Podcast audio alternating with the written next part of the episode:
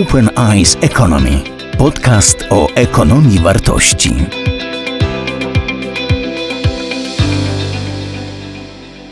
Dzień dobry Państwu. E, bardzo mi miło tutaj e, móc poprowadzić dzisiaj dla Państwa panel z przedstawicielami świata biznesu o energii społecznej właśnie.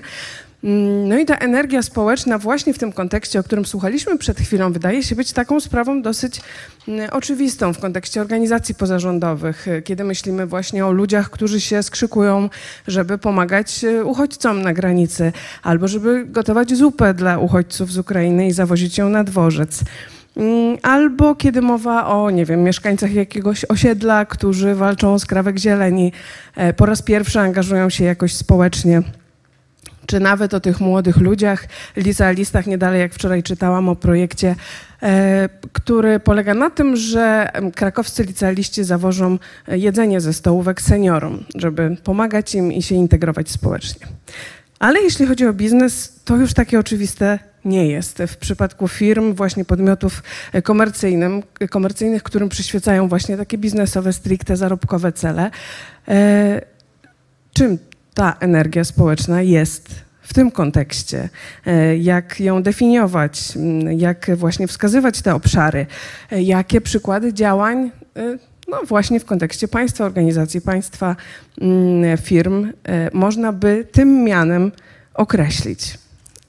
I myślę, że kolejność alfabetyczna, która również e, była wskazana w programie, będzie zasadna. Nie mam niestety takiego wspaniałego wykrzyknika, jak miał pan profesor, więc będę państwu posyłać mordercze spojrzenia po prostu.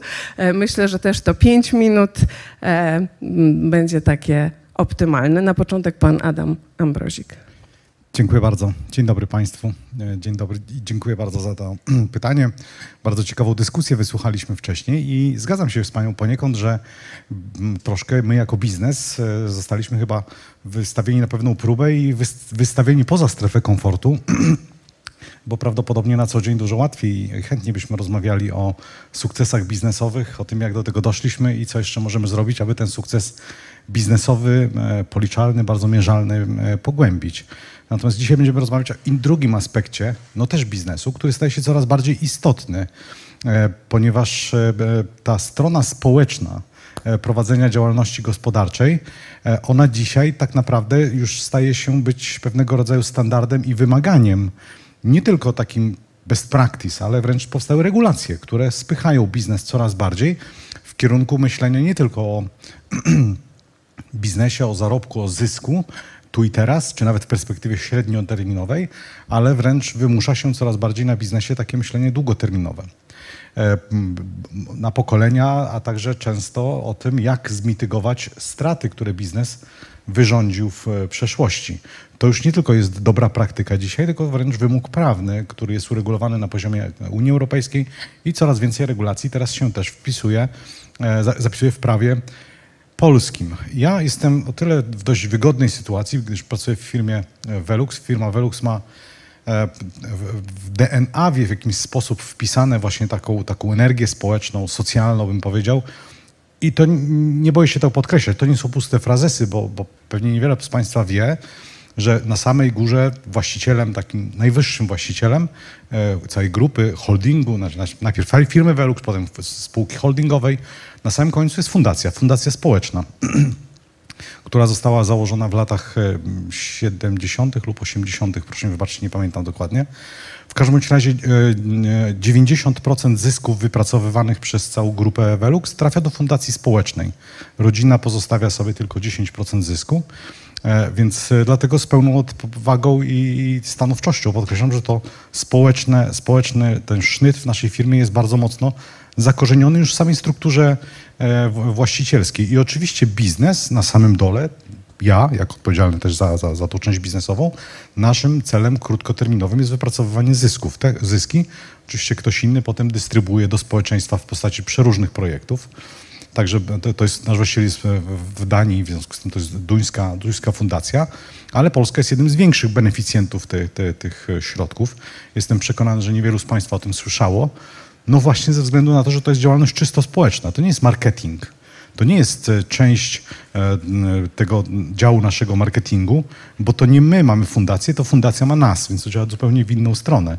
E, I to jest fundacja, która jest kompletnie nieznana w Polsce, pomimo że prawdopodobnie jest jednym w gronie jednym z dziesięciu największych donatorów w Polsce projektów czysto społecznych, czysto społecznych. Więc ta energia społeczna bez wątpienia u nas jest w firmie wyczuwalna. Prawdopodobnie dużo trudniej by mi się mówiło o takich sprawach, gdyby na przykład moja firma była notowana na giełdzie e, gdzieś w Nowym Jorku, a naszym właścicielem byłby fundusz inwestycyjny, który prowadziłby jakąś agresywną politykę e, finansową w tym zakresie. Natomiast mamy to szczęście, że możemy o tym mówić zupełnie spokojnie, bo jest to istotny element naszego biznesu. Czy nas na co dzień się pyta, czy zrealizowaliście cele biznesowe? A gdy odpowiemy, że tak, to drugie pytanie jest, jak zrealizowaliście te cele biznesowe? Jak do tego doszliście? Więc no, tutaj na każdym kroku rzeczywiście w naszej codziennej pracy, pracy też rzeczywiście czuć tą energię społeczną i nie boję się to mówić nawet w trudnym czasie dla nas bo branża budowlana się bardzo mocno dotknęła kryzys, dotknięta jest kryzysem, kryzysem. Myśmy musieli też zwolnić sporo osób. Natomiast nawet jak się z kimś rozstajemy, to rozstajemy to się w taki e, sposób, że, że no, ci ludzie czują się że, że rzeczywiście zaopiekowani też w takich trudnych sytuacjach. A może właśnie w takich trudnych sytuacjach, co najważniejsze. Mam tu od razu e, pytania, mi się nasuwają dotyczące właśnie tego, jak e, ta działalność fundacyjna jest stricte związana z tym biznesowym profilem. No i pytanie, czy ten marketing pomocowy, czyli na przykład większe promowanie, chwalenie, mówienie o takich fundacjach nie jest istotne, ale do tego pewnie jeszcze wrócimy, bo teraz e, oto odpowiedź na to pytanie właśnie, jak mm, energię społeczną definiuje pan Rafał Barański, bym chciała poprosić. Bardzo dziękuję. Miło mi Państwa poznać. E, my jesteśmy dość specyficzną firmą. Jesteśmy małym software house'em tutaj z Krakowa. Mm, natomiast obracamy się w kręgu mm, środowisk powiązanych z compliance, ze zgodnością z audytem. E, sprawa wygląda tak, że my jako mała organizacja nie mamy aż takiego dużego wpływu na to, co się dzieje wokół nas, natomiast bardzo staramy się pomagać naszym klientom w tym, co oni mogą zrobić. E, Takim przewodnim tematem w ostatnim czasie, troszeczkę takim przygniecionym innymi wydarzeniami, e, są sprawy związane z whistleblowingiem, z sygnalistami. E, I to jest fajny, można powiedzieć, case związany z energią społeczną. Dlaczego? W polskim społeczeństwie z racji tych naszych historycznych e, perturbacji, rozbiorów, później powiedzmy rozbioru e, sowieckiego, gdzie, gdzie nie, mieliśmy, nie mieliśmy prawa mieć własnego zdania, e, stworzyło się takie, takie e, bardzo negatywne spojrzenie na ludzi, którzy coś próbują zmienić. O ludziach, którzy przychodzą i mówią, coś źle, źle działa, zmieńmy to, naprawmy to, zmieńmy nasze procesy, zmieńmy nasze spojrzenie. Mówiło się zawsze, że to są donosiciele donosiciele w takim bardzo negatywnym e, znaczeniu, ponieważ e, donosiciel to jest osoba, która robi coś dla siebie, czyli ona widzi w tym swój, e, swój interes. I to nie jest energia społeczna. Można powiedzieć, że może jest negatywna. Natomiast takim pozytywnym aspektem jest to, że są ludzie, którzy chcą coś zmienić. Chcą zmienić w organizacji, chcą zmienić w swoim otoczeniu. My bardzo mocno promujemy z racji też e, jakby tutaj nasze, naszych, e, naszego biznesu, który my prowadzimy. Bardzo mocno e, staramy się zmotywować firmy, które do nas przychodzą, do tego, żeby one się troszeczkę otwarły na, na tych swoich pracowników, ale także na ludzi z zewnątrz. Dlaczego? Dlatego, że osobą, która chce coś zmienić, niekoniecznie musi być osoba wewnątrz firmy. Prosty przykład. Ja, ja zawsze tak, e, jak rozmawiamy z klientami, e, podchodzę do tego e, na bazie przykładów. Mówię, jest firma budowlana, mm, budują duży budynek, są pracownicy, którzy biegają po, po rusztowaniach bez kasków, bez zabezpieczeń. Kwestia BHP. No i idzie pani, która idzie na zakupy, nie wiem, do Biedronki, do Lidla, do jakiegoś innego sklepu.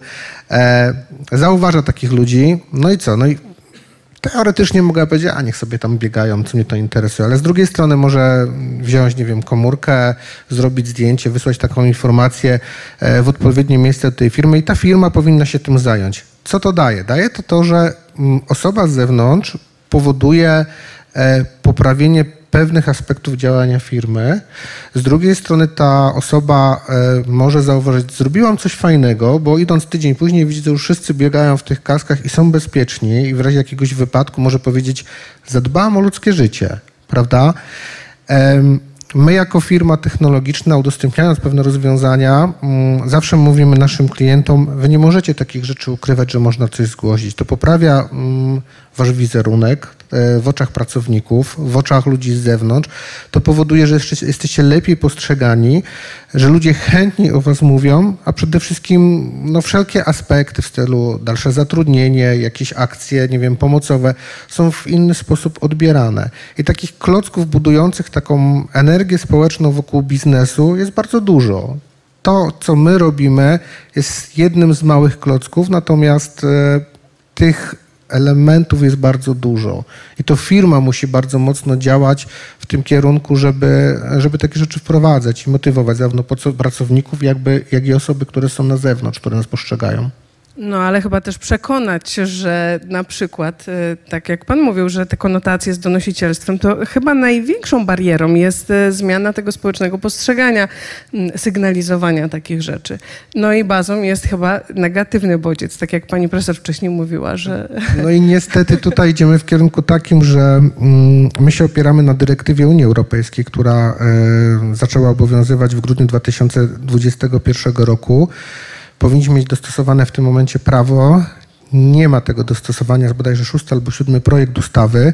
Nikt tego nie chce wprowadzić właśnie z tego względu, o którym pani powiedziała, że wszyscy się boją zalewu donosicielstwa. Nasza firma plus jeszcze parę takich naszych konkurentów, my bardzo dużo robimy do tego, żeby tych ludzi uświadomić. I tutaj jakby nie widzimy wsparcia ze strony państwa, bo państwo tak de facto nic nie robi, poza tym, że odwleka cały czas te sprawy. Natomiast my e, staramy się propagować e, w różny sposób e, tą ideę takiego pozytywnego zgłaszania nieprawidłowości. To są właśnie takie spotkania, jak tutaj dzisiaj mamy, to są różnego rodzaju konferencje. My jako firma zrobiliśmy coś bardzo nietypowego, jak na, na Software House. My naszym klientom, którzy do nas przychodzą, stworzyliśmy 17 komiksów.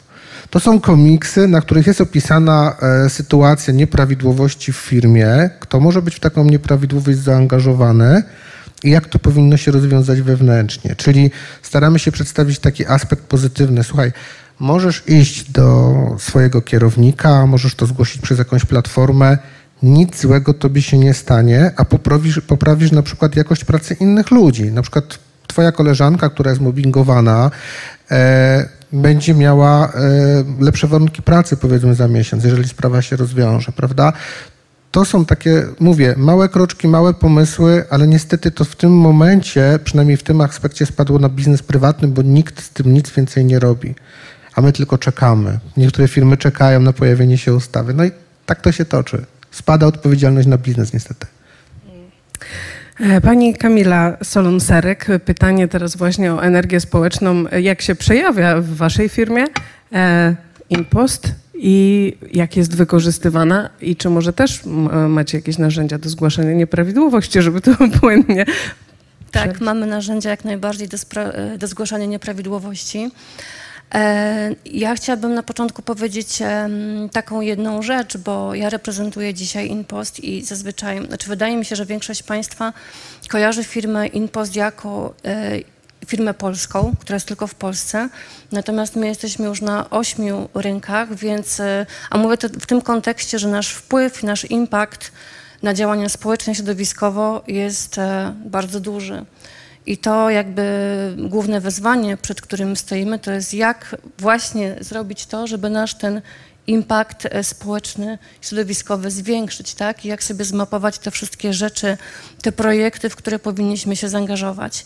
Ja tak em, muszę, muszę powiedzieć, że podeszliśmy do tematu zaangażowania społecznego w taki sposób bardzo systemowy może nie korporacyjny, bo tutaj bym przesadziła, ale w taki systemowy, w sensie takim naszym e, pierwszym krokiem, żeby troszeczkę te nasze wszystkie indywidualne działania e, uporządkować e, i nie zostawiać nic skazanego na przypadek, było dokładne jakby mm, opracowanie, sprecyzowanie naszej strategii ESG, a w tym jakby strategii w odniesieniu do społeczeństwa, tak, i do pracowników. To jest jakby bardzo szeroko definiowana jest ta grupa interesariuszy. I e, w tym celu też popatrzyliśmy, gdzie jakby mamy największy wpływ pozytywny, ale gdzie mamy też największy wpływ negatywny. I żeby to robić, e, odpytaliśmy naszych kluczowych interesariuszy. Takie ćwiczenia zazwyczaj sobie robimy też dwa razy w roku, żeby sprawdzić, jak nas postrzega biznes w kontekście naszego wpływu na społeczeństwo, jak nas e, postrzegają partnerzy biznesowi, w tym e-commerce merchanci, tak? Ale jak nas postrzegają też nasi klienci zwykli, którzy odbierają paczki. I tutaj e, muszę powiedzieć, że te potrzeby są bardzo, bardzo różne, czasami wykluczające się. Zdarzają się też oczywiście takie głosy pod tytułem, że w ogóle zrównoważony rozwój, impact społeczny to jest w ogóle totalna bzdura. Zajmijcie się lepiej terminowym dowożeniem paczek, tak, a nie tutaj e, takimi kwestiami, ale na szczęście jest to, e, jest to mniejszość. I tutaj e, muszę powiedzieć, że robimy bardzo wiele rzeczy, w sensie skupiamy się na szeroko pojętych kwestiach społecznych, już począwszy od osób, nie wiem, z niepełnosprawnościami, a kategoriami diversity, inclusion, tak, ale też e, bardzo ważną e, częścią e, są po prostu nasze usługi, tak, bo wydaje mi się, że w tym momencie powinniśmy też patrzeć na usługi i na produkty pod kątem ich wpływu na społeczeństwo, więc tak tylko może w kilku słowach powiem, że, że my jakby tą pracę zaczynamy też odrabiać, więc e, też projektowanie e, naszych maszyn, paczkomatów, ich dostępność, staramy się robić e, bardzo dużo, żeby były wszystkie maszyny dostępne dla osób z niepełnosprawnością ruchową, żeby, mm, żeby nawiązać współpracę z powiedziałabym, z fachowcami na przykład, tak, w tym temacie, żeby nam powiedzieli, w którym kierunku my musimy iść, więc to jest też kwestia e, angażowania się w różne, e, powiedziałabym, takie projekty badawczo-rozwojowe, w sensie co robić, żeby e, nasza produkcja maszyn, bo oczywiście jesteśmy firmą transportową, ale produkujemy też maszyny, tak, i to jest jakby spora część naszego biznesu, co robić, żeby tutaj jakby być e, bardziej zrównoważonym i ten wpływ jakby środowiskowy był mniejszy, w sensie co nawet zrobić w takich, powiedziałabym, banalnych przypadkach, kiedy mieszkańcom osiedla przeszkadza hałas zamykanych skrytek, tak? Jak pójdzie po prostu... Albo im się paczkomat albo, nie podoba. dokładnie, albo się nie podoba paczkomat, albo stoi w złym miejscu, więc to jest tak naprawdę bardzo, e, bardzo, że tak powiem, szeroki zakres i dużo by mówić, ale może to tak w wielkim skrócie może. Tytułem wprowadzenia. E, tak, pani Izabela van den Bosse doświadczenie bardzo duże w zakresie różnych działań e, w różnych międzynarodowych e, firmach, korporacjach, właśnie mm, też z wykorzystaniem, z ukierunkowaniem tej energii społecznej. W jaki sposób? Dzień dobry, dziękuję bardzo za to. Ja szczęśliwie nie mam już takiego takiej roli, że muszę opowiadać o swojej firmie konkretnie mm, i, i te przykłady mogę pokazywać może nie tyle z różnych korporacji, z różnych części świata, bo ja rzeczywiście zajmowałam się projektami w różnych miejscach. Y, bardzo dziękuję za, za tą dyskusję wcześniej, bo ona y, bardzo pokazuje też nam, firmom, y, ja jestem teraz w firmie doradczej, doradzam różnym firmom, które przyjeżdżają do Polski, czy chcą w Polsce działać i nie tylko, też polskim firmom, które działają za granicą i, i to, co my, co my robimy, znaczy na przykładzie tego, co ja robiłam w innych krajach wcześniej, w, w mojego poprzedniego pracodawcy, y, staramy się pokazać y, pokazać firmom taką drogę działania, żeby ona miała sens, sens lokalny.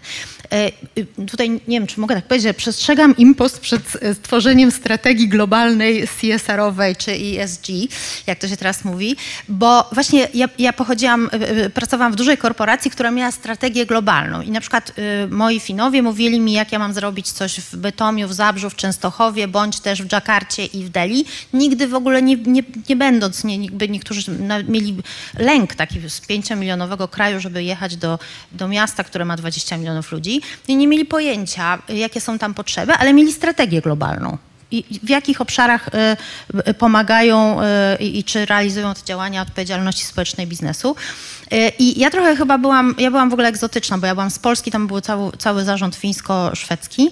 Mm, I, no i jako egzotyczna osoba pozwalałam sobie na właśnie egzotyczne działania i wprowadzałam zupełnie inne projekty w, właśnie nawet w tym Zabrzu i Bytomiu, które odpowiadały potrzebom Zabrza i Bytomia, czyli miały sens w Zabrzu i Bytomiu, niekoniecznie w ESPO. Oni tego nie do końca rozumieli, ale miałam takiego też egzotycznego szefa, który stwierdził, że no właściwie to czemu nie.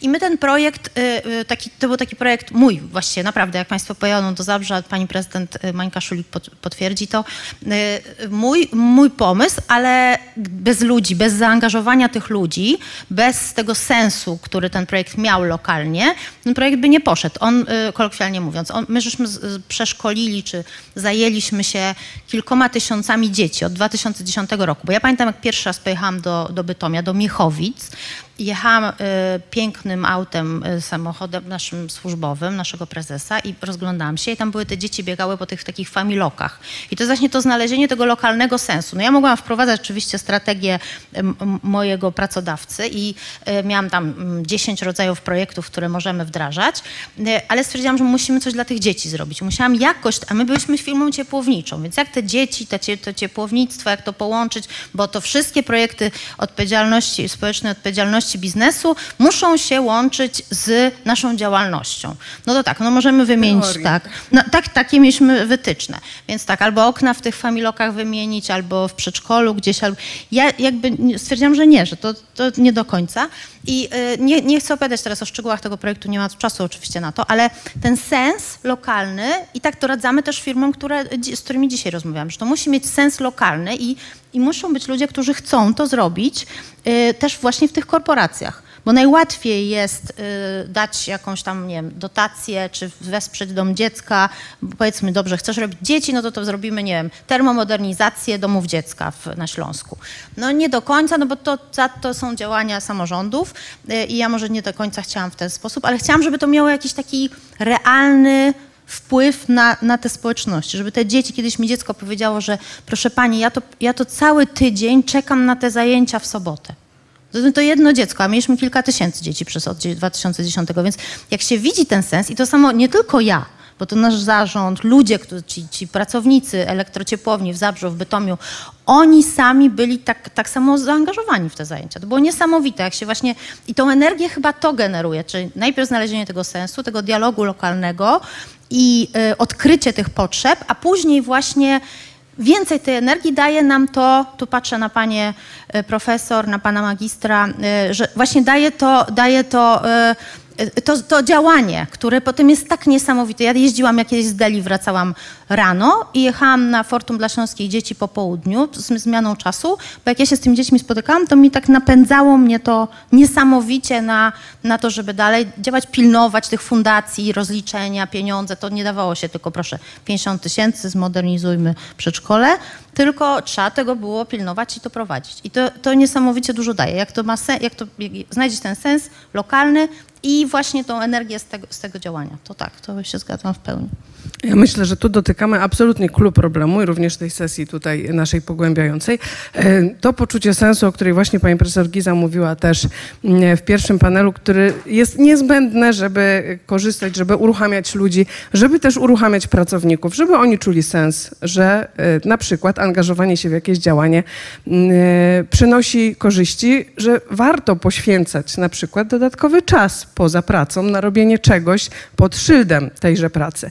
No i ja tu mam właśnie też takie spojrzenie swoje dziennikarskie, bo ja jestem średnio, nie wiem, dwa razy w tygodniu jako reporterka zapraszana na jakieś sadzenia drzew czy wręczanie maskotek dzieciom w szpitalu, e, bo dzwonią właśnie PR-owcy z firm, e, które robią jakieś rzeczy pożyteczne i my bardzo często mamy wrażenie, że to jest taki po prostu kwiatek do kożucha, że to jest coś, co trzeba odbębnić, że fajnie, jeżeli firma jest zaangażowana, że pokazuje, że jest w coś zaangażowana. E, I często sami pracownicy mają takie poczucie, że to są takie jakieś szopki, takie działania, które no trzeba sobie odklepać, bo jak już pracujemy w danej firmie. E, też wspominam znajomy, który pracuje w e, korporacji, która ma siedzibę w Brukseli. Jest to belgijska firma i raz na kwartał jeżdżą. No i nam opowiadał, że mają właśnie takie aktywności, że pomiędzy po prostu szkoleniem z UX-a, jakimiś sesją tam psychologiczno-społeczną, e, i paintballem jest robienie kanapek i rozdawanie ich osobom w kryzysie bezdomności,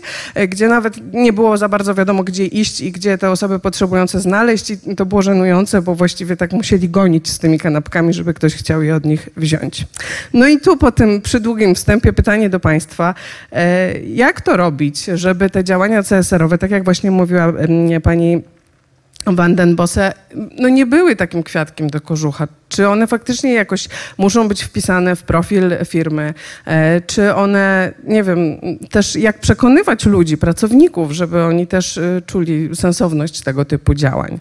Wracę, wrócę do pana Adama, bo myślę, że jako przedstawiciel właśnie tutaj Veluxa, no Skandynawia to jest taki kierunek, który patrzymy, e, też ucząc się właśnie o tego typu działaniach. Wiele firm duńskich, szwedzkich e, no, miało działania CSR-owe na długo, zanim w ogóle wiedzieliśmy w Polsce, co to jest, więc pytanie, jak Tak, dziękuję bardzo. Tak, bardzo dobrze się czuję w tym pytaniu i jest ono bardzo wdzięczne dla mnie w, w mojej firmie, bo nam jest to bardzo łatwo rozdzielić. Znaczy, my zupełnie oddzielamy działalność taką społeczną, charytatywną. E, Ja bym wpisał te projekty, o których Pani wspominała, właśnie w tą część. Znaczy, to nie jest taki CSR, taki jak my go rozumiemy. Nasz CSR komórka odpowiedzialna za CSR jest posadowiona w części finansowej naszej firmy, w strukturze finansowej. To oni są odpowiedzialni za obliczania wszystkiego, y, znaczy całego wpływu na środowisko nasze, na społeczeństwo. To musi być wszystko mierzalne i bardzo konkretne, żeby to się dało wdrożyć. I w przypadku takiej firmy jak nasza, gdzie my, na fabryki nasze rozlokowane w różnych częściach Europy, pracują w pewnym łańcuchu wartości, gdzie nasi dostawcy są naszymi dostawcami globalnymi w dużej części, to jedynym rozwiązaniem, żeby efektywnie wdrażać strategię zrównoważonego rozwoju, to jest jej przyjęcie jej założeń na poziomie globalnym. Inna, żadna inna strategia po prostu nie zadziała. I nawet y, jeśli część aktywności ma, zawsze będzie miał charakter y, lokalny, bo fabryki muszą się transformować w kierunku, żeby zrealizować cele postawione w tej strategii i te działania owszem mają charakter lokalny, no ale tak czy inaczej one się wpisują w pewien ciąg zdarzeń, których celem jest zredukowanie naszego globalnego wpływu na nasze otoczenie, na środowisko, na klimat, na, na ludzi. Oczywiście bezpośrednio i pośrednio, bo klimat przecież też wpływa na ludzi. Natomiast, więc dlatego mówię, że my to z, z, zupełnie to są dwie różne rzeczy. Nasz raport CSR-u właściwie wręcz nie zawiera aktywności takich społecznych, e, e, właśnie takiego charity. Tego tam po prostu nie ma. Więc i mało tego, my nie mamy nawet budżetów na takie rzeczy. To znowu ze względu na naszą strukturę właścicielską, gdzie nasz właściciel, fundacja społeczna mówi, słuchajcie, wy jesteście w biznes, wy róbcie biznes i myślicie, jak zmniejszyć zużycie, być- em, zużycie surowców pierwotnych, czy wpływ negatywny na środowisko, to są wasze odpowiedzialności. Charity i aktywności społeczne to jest nasza odpowiedzialność i nic wam do tego. Pojawiają się oczywiście inicjatywy jakiegoś wolontariatu pracowniczego, ale to są takie malutkie orzeszki, które pięknie wyglądają rzeczywiście głównie na folderach, ale realnie one nie mają wpływu na nic e, takiego e, dużego, co, co, co rzeczywiście ma szansę jakoś wpłynąć na naszą firmę, aby uczynić ją mniej szkodliwym dla, e, dla środowiska. Więc ma Pani rację, diagnoza jest bardzo słuszna, ale mam ogromne poczucie, że to się bardzo mocno zmienia. To znaczy te działania CSR-owe, no, na przykład chociażby no, mówię, pracujemy w konkretnych firmach, więc będziemy się posługiwać naszymi przykładami, ale tak jak mówię, nasz CSR już wiele lat temu został przesunięty z marketingu do finansów. To, znaczy, to dzisiaj jest część po prostu takiego compliance'u, bym powiedział, a nie, a nie działalności marketingowej. Tylko wyjaśnię, bo to y, zupełnie nie jest działanie charity. To jest tak, że jeżeli jesteśmy firmą lokalną, która musi budować, y, musi budować akceptację społeczną i rozpoznawalność w danym lokalnym społeczeństwie, to ona musi znaleźć takie działania. Oczywiście zmniejszanie wpływu na środowisko jak najbardziej. To są dziesiątki milionów na zmienianie paliw, tak jak mówię o przykład, na przykładzie poprzedniej mojej firmy, ale żebyśmy byli postrzegani dobrze w środowisku, w którym działamy, będąc lokalną firmą, na przykład Impost podejrzewam będzie miał podobne wyzwania. To trzeba prowadzić działania, które są w tym środowisku najbardziej potrzebne, czyli zgodnie, oczywiście y, y, nie wychodząc poza całkowicie ramy strategii, ale zgodnie z wolą społeczeństw lokalnych. Czyli ten dialog, trzeba zrobić ten wysiłek według mnie, żeby y, w, to społeczeństwo lokalne wejść, żeby porozmawiać z ludźmi, porozmawiać z miastem, porozmawiać z ludźmi, którzy, którzy prowadzą takie działalności y, y, społeczne, żeby to społeczeństwo lokalne chciało nas jako firmę y, widziało nas dobrze i chciało z nami współpracować. Bo jeśli tego nie będziemy robić, to myślę, że to bardzo wpływa na wyniki finansowe też. I, i, i, i taka firma, y, jak będzie chciała robić coś potem ryzykownego, to tego, tego wsparcia społecznego nie dostanie. Rozumiem, że, tak, y, że to jest kwestia trochę takiego wybrania obszaru, w którym ukierunku, ukierunkowujemy tą y, czy społeczną energię, czy pomocowy charakter. I tak jak na przykład tutaj fundacje y, mają granty, to rozumiem, że w stosunku do tego, co mówiła pani mm, Izabela, że na przykład te granty są na jakieś projekty badawcze dla, nie wiem, polskich domów, dla polskich y, m, po prostu konsumentów czy odbiorców istotne. Tak jak widziałam projekt o tych, nie wiem, domach socjalnych, dajmy na to. Tak, tak no, to nie jest związane nic z naszym biznesem. To znaczy, tak jak mówię, jeśli to jest działalność społeczna, to wręcz jest zastrzeżenie, taki disclaimer, że to nie może być związane z naszą działalnością, nawet pośrednio. E, więc to są na przykład... No ale nie chwalicie się tym, że to jest fundacja właśnie? Mamy bardzo mocno ograniczone rzeczy ze względu na właśnie na procedury takie compliance'owe. Znaczy, jeśli to jest fundacja i która jest nie, to nie jest część firmy, tylko to jest nasz właściciel, więc inaczej jest, inaczej jak firma ma fundację, no to jest część firmy i fundacja może być wykorzystywana do celów marketingowych. To jest dokładnie odwrotnie. To, to fundacja ma firmę i ta fundacja, która jest naszym shareholderem, nie może być wykorzystywana w celach marketingowych. No, rozumiem. E, Pan Rafał tutaj, myślę, kwestia mm, technologii, która może być pomocna e, w, właśnie w tego typu działaniach. Ja bym chciał tak nawiązać do jednego przykładu z e, działalności naszej firmy. E, My jak każda firma, która ma jakiś produkt, reklamujemy się w różnych miejscach. E, Jest bardzo wiele osób, które takich starszych, takich, którzy na co dzień nie mają dostępu do komputerów, do, do sieci internet, robią jakieś tam podstawowe rzeczy. W pewnym momencie zderza się z sytuacją, że ma problem, który chciałby gdzieś zgłosić.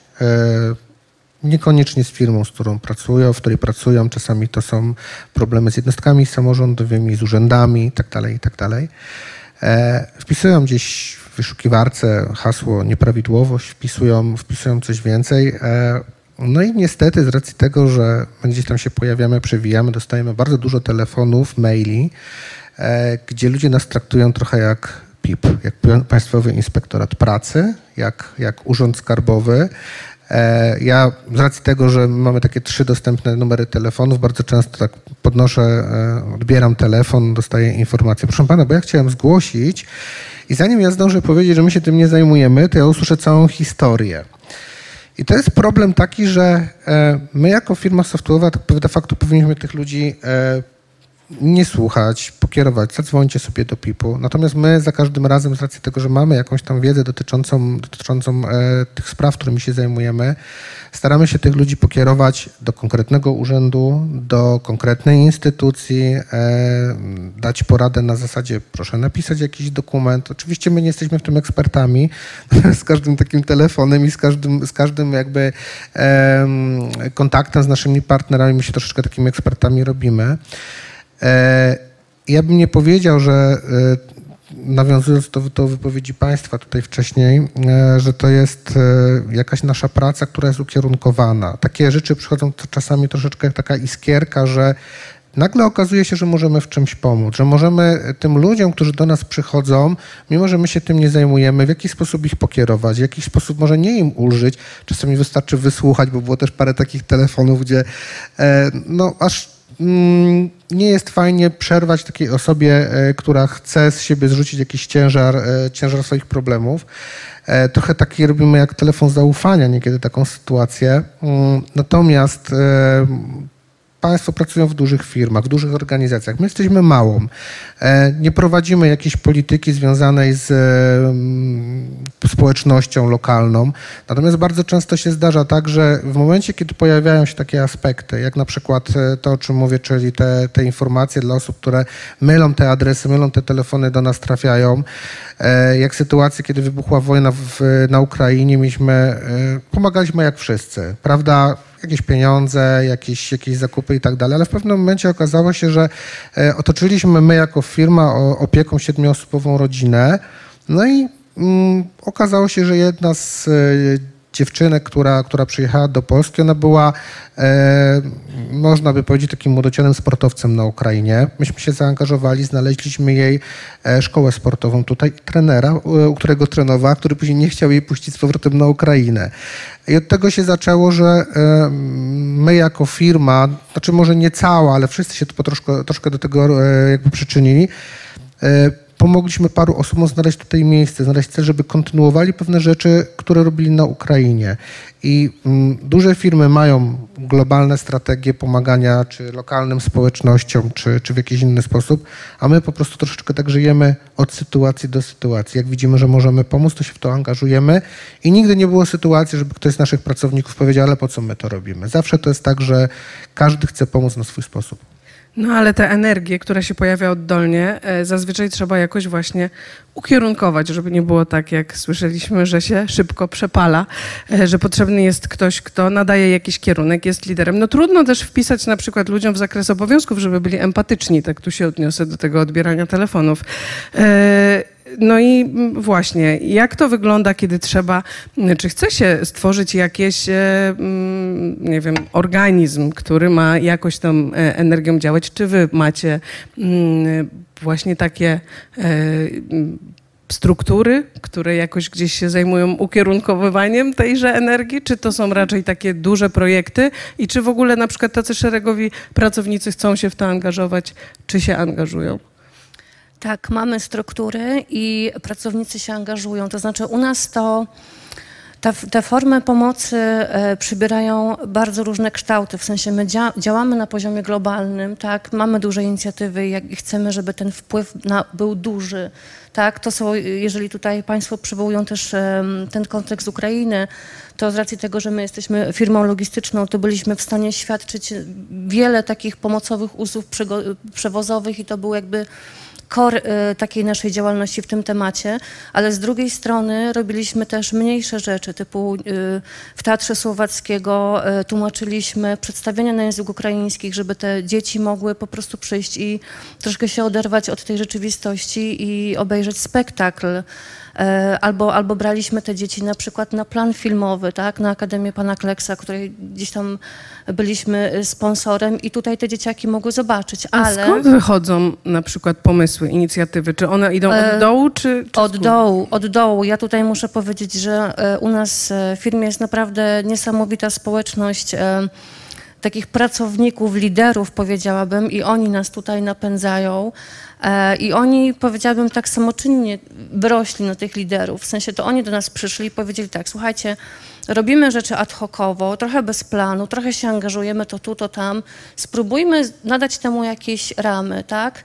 I to jakby doprowadziło nas do tego, że nasi pracownicy mają dni wolne na działania y, charytatywne, że mogą się starać o granty, ale też, że mogą uczestniczyć w takich jakby inicjatywach ogólno, y, ogólnofirmowych. I tu y, robiliśmy tak naprawdę wiele rzeczy, począwszy od od, od zbierania środków, tak, na, na przykład na, y, na chore, chore dziecko kolegi, tak, tutaj w ciągu tygodnia postawiliśmy platformę do licytacji, wszyscy piekli, gotowali, malowali i tak naprawdę no, za- zdarzył się, w sensie zdarzył się cud taki, że uzbieraliśmy naprawdę bardzo dużo pieniędzy. Natomiast, e, i to jest ten wolontariat pracowniczy ustrukturyzowany. Natomiast jeszcze muszę powiedzieć, że mamy fundację, ale fundacja jakby jest stricte jakby skierowana na we, do wewnątrz, do pracowników, czyli jakby tutaj odpowiadamy na potrzeby naszych pracowników, na zdarzenia losowe, które się niestety zdarzają i nie chcemy zostawić takich pracowników bez pomocy, więc tutaj jakby zarówno środki na tej fundacji idą z takich działań oddolnych pracowników, typu robimy, nie wiem,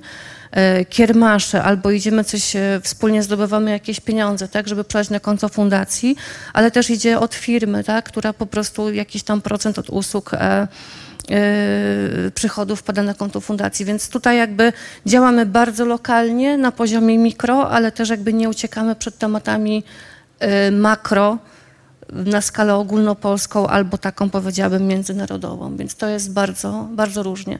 Plus każdy rynek oczywiście ma swoje struktury, gdzie możemy, łączymy siły, gdzie, gdzie nie damy rady, to, to działamy osobno, tak? Tak to wygląda w wielkim skrócie. No a jak Państwo myślą, e, jak to jest istotne, żeby na przykład ludzi angażować i co jest potrzebne, żeby oni chcieli się angażować? Tu patrzę na Panią Izabelę. E, I czy może jest tak, że oni niechże już robią pracę, a potem zajmą się aktywnością poza pracą, czy wprost przeciwnie? Jeśli nie są aktywni, to pewnie nie są aktywni ani tu, ani tu. Nie, ja myślę, że y, ja myślę, że ludzie chcą pracować dla takich firm, które robią coś z sensem. Pamiętam, jak pojechałam pierwszy raz do, do Delhi i y, rekrutowaliśmy ludzi i pamiętam do, do takiego lokalnego rekrutera dostałam y, radę, żeby pokazać, co firma zrobi dla polepszenia warunków życia w Indiach. Co firma wnosi, bo ludzie chcą, dobrze wyedukowani ludzie w Indiach chcą pracować dla firm zagranicznych jak najbardziej, ale takich, które wnoszą coś dają coś dobrego dla ich kraju.